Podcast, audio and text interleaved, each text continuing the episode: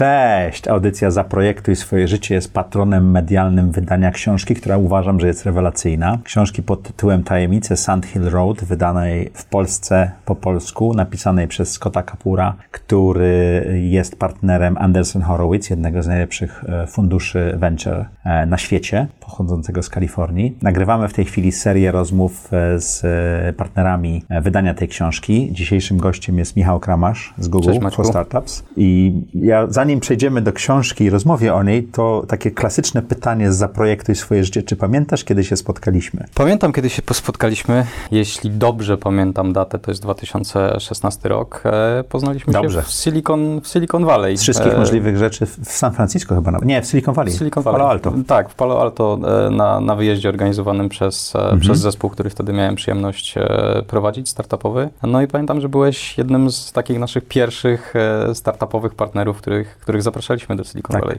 Ja tam poznałem Michała Rokosza, Stefana Batorego i jeszcze można wymienić e, kilka zacnych nazwisk. Udało Także- nam się wtedy zebrać grupę, która jak widać bardzo prężnie działa. Tak. I obecnie. chętnie bym pojechał znowuż, także jakbyście, jakby, jak odmrozi się wszystko, będziecie organizowali takie wyjazdy, to teraz może jako, wiesz, z audycją pojechać i nagrywać w biegu, to byłoby Myślę, ciekawe. że dużo jest, dużo jest osób teraz bardzo chętnych do tego, żeby pojechać gdzieś. Tak, To prawda. Chociażby, To chocia, prawda. To chociażby gdzieś pojechać, ale faktycznie to, to, to Silicon Valley i, i, i te wyjazdy były bardzo, myślę, wartościowe zarówno dla nas, Mhm. ale mam nadzieję też, że, że dla Was, bo pamiętam e, odwiedziny w Blackboxie w jednym z pierwszych e, akceleratorów. E, na mnie na pewno czy, duże Google, wrażenie. czy w Google Garage, gdzie Czy w robiliśmy Google Garage? tworzenie. Myślę, że i na mnie, i, i mam nadzieję na Was też wtedy wywarło duże wrażenie. Bardzo, bardzo. Słuchaj, a propos dużego wrażenia. Przed wejściem do studia mówiłeś, że ta książka wywarła na tobie bardzo duże wrażenie i że kupiłeś ją dla całego swojego zespołu, tak? Może powiesz, co... Tak. I to jeszcze zanim było polskie wydanie, prawda? Tak, znaczy no, ja pracuję z, ze startupami od mniej więcej pięciu, pięciu lat, e, od, od e, blisko 15 w Google. E, Natomiast dołączyłem oficjalnie do Google for Startup właściwie równo rok temu i to też zbiegało się gdzieś tam z, z, z wydaniem książki parę miesięcy, parę miesięcy wcześniej. I to była właściwie książka, którą jako pierwszą poprosiłem, e, żebyśmy, żebyśmy zamówili dla całego, dla całego zespołu Google for Startups. Z prostego powodu, bo e, moim zdaniem ta książka świetnie pokazuje krok po kroku, jak podejść do, do startupu, do inwestowania. Bardzo dobrze strukturyzuje. I e, demistyfikuje. myślę, I demistyfikuje, dokładnie. Mhm. Pokazuje, pokazuje tak naprawdę, że okej, produkt super, tak, ale ludzie, zespół, budowa organizacji, rozmowy z funduszami inwestycyjnymi, w ogóle czym są fundusze, jak działają. E, myślę, że jest, e, że jest bardzo dużą wartością i każdy, kto działa w świecie startupowym, moim zdaniem powinien tą książkę przeczytać albo przesłuchać, bo ja szczerze mówiąc pierwszy raz ją przesłuchałem, po czym przeczytałem, a po czym jeszcze poprosiłem, książka, żeby to jest zespół też książka, którą przeczytał. trzeba na kilka razy, bo tam jest tak dużo Tak. informacji, że to nie jest tak, że prze, przeczyta się, czy przesłucha, czy cokolwiek i to zostanie, prawda? Tak, no ja wracałem do tej książki wielokrotnie i nawet e, jak dostałem zaproszenie do udziału tutaj, to jeszcze kilkakrotnie raz. sobie,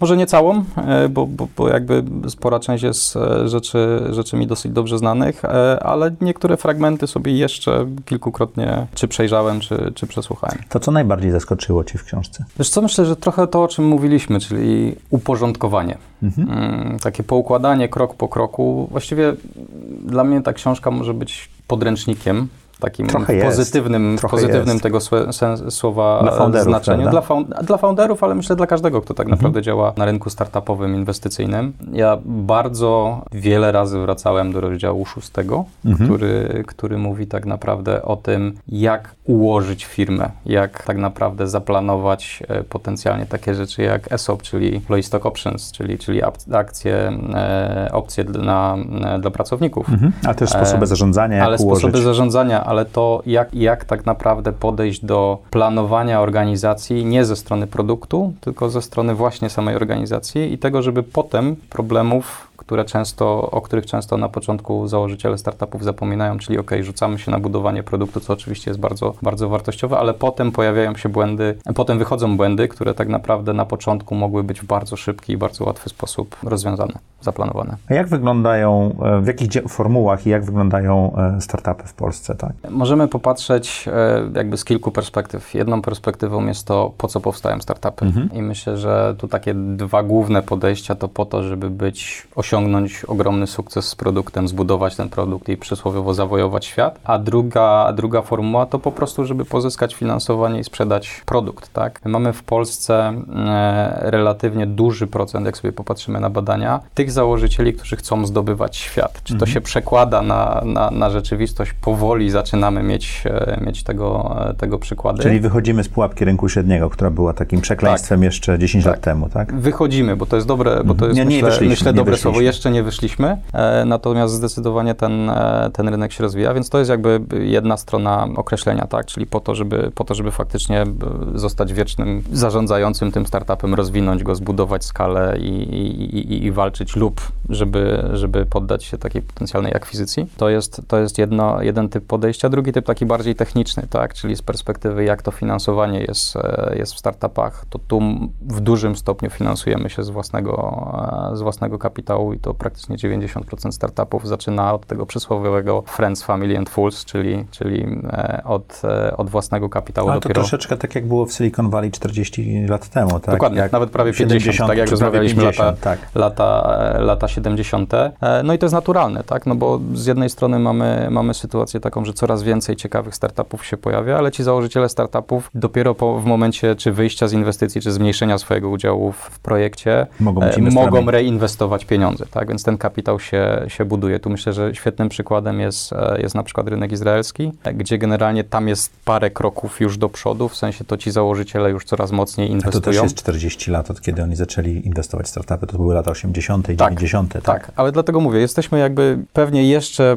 trochę do Izraela, dużo jeszcze jeśli chodzi o, o Silicon Valley, ale zdecydowanie ten rynek się rozwija, tak? I, i zdecydowanie widać, wiesz, ja na, nawet jak popatrzymy sobie 5 lat temu, czy, czy, czy 10 lat temu, no to, to dzisiejsza sytuacja jest zupełnie inna, tak? Mamy ponad 100 funduszy inwestycyjnych e, na rynku, mamy założycieli startupów, którzy zaczną re, zaczynają reinwestować. e, Ja, ja, ja w swoich inwestycjach spotykam się z Mariuszem Gralewskim z e, Docplanera, czy z Przemkiem Gackiem z Grupy Pracu i Tak. wieloma innymi, tak? Dokładnie. I tych, I tych pieniędzy na rynku pojawia się coraz więcej, ale oprócz pieniędzy pojawia się też coraz więcej doświadczenia, co myślę jest kluczowe. I też to widać doskonale w tej książce, o której dzisiaj e, rozmawiamy, że mając te podstawy, mając tą wiedzę, bę- będąc tym seryjnym, seryjnym przedsiębiorcą, kolejny biznes buduje się po prostu łatwiej, tak? Nie popełnia się tych samych, e, tych samych błędów. I, i, I takie prototypowanie, uczenie się na własnych błędach, no to to jest coś, co popycha mm, rozwój do przodu. W jakich formułach w Polsce działają fundusze VC i czym to się różni od tego, co ty widzisz na świecie? Przede wszystkim no, mamy dosyć duże zaangażowanie środków publicznych i to jest... To jest, e, to i jest coś, co tworzy rynek w tak, i to jest sensie. coś co, coś, co jest robione celowo po to dokładnie, żeby, żeby, żeby budować rynek, bo znowu wracając do tej historii sprzed e, kilkudziesięciu lat e, w Stanach Zjednoczonych, czy,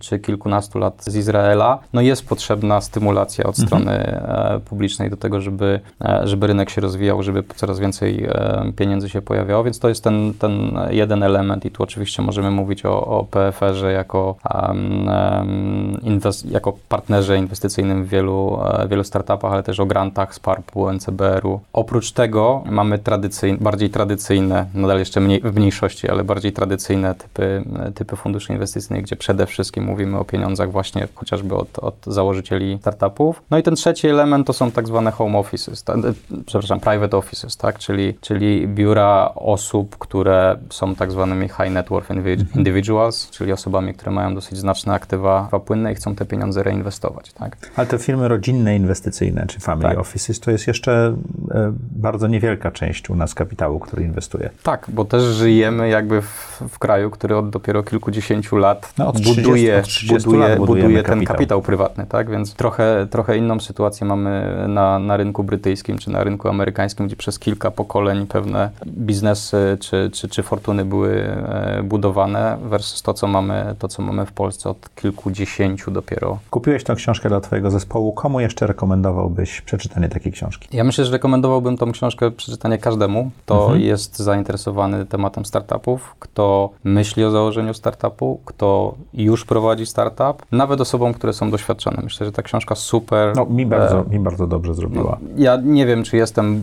doświadczoną osobą, bo raczej patrzę na to z 15 perspektywy. lat w Google, 5 lat w startupach. Tak, ale patrzę to, na to bardziej z perspektywy, wiesz, my doradzamy, pomagamy, tak? Staramy się bardzo dużo rozmawiać i pracować e, z założycielami, robimy dla nich dużo programów, które, które pomagają rozwinąć i to te miękkie, i to, te, i to i tą twardą wiedzę. E, natomiast mi, mi książka książka osobiście bardzo dużo dała, tak? Usystematyzowała wiedzę, którą miałem w dużym stopniu porozrzucaną z różnych, e, z różnych źródeł, więc tak jak mówię, trochę wrócę do tego, że to taki podręcznik, ale ten podręcznik myślę jest bardzo wartościowy dla całego ekosystemu, tak szeroko pojętego, niezależnie, niezależnie czy, e, czy mówimy o założycielu, czy inwestorze. Dziękuję Ci ślicznie. Słuchajcie, mamy dla Was pytanie konkursowe. Odpowiedzcie w komentarzach na YouTubie. Twoje pytanie to? Moje pytanie to, e, podpowiem, że odpowiedź znajdziemy w rozdziale szóstym, To już było mówiłeś na początku tak, trochę. żeby było troszeczkę łatwiej, trochę o tym mówiłem, e, ale moje pytanie to, dlaczego opcje dla pracowników, które są wbrew pozorom bardzo ważne do, do zaplanowania na, na wczesnym etapie, mają najczęściej formułę tak zwanego vestingu czteroletnią? Także jeżeli znacie tą odpowiedź albo chcecie spróbować strzelić tą odpowiedź, e, bardzo dziękujemy, a opis konku- e, o konkursu znajduje się w opisie tego podcastu, czy też tej audycji na YouTubie. Zapraszamy Was bardzo serdecznie do komentowania.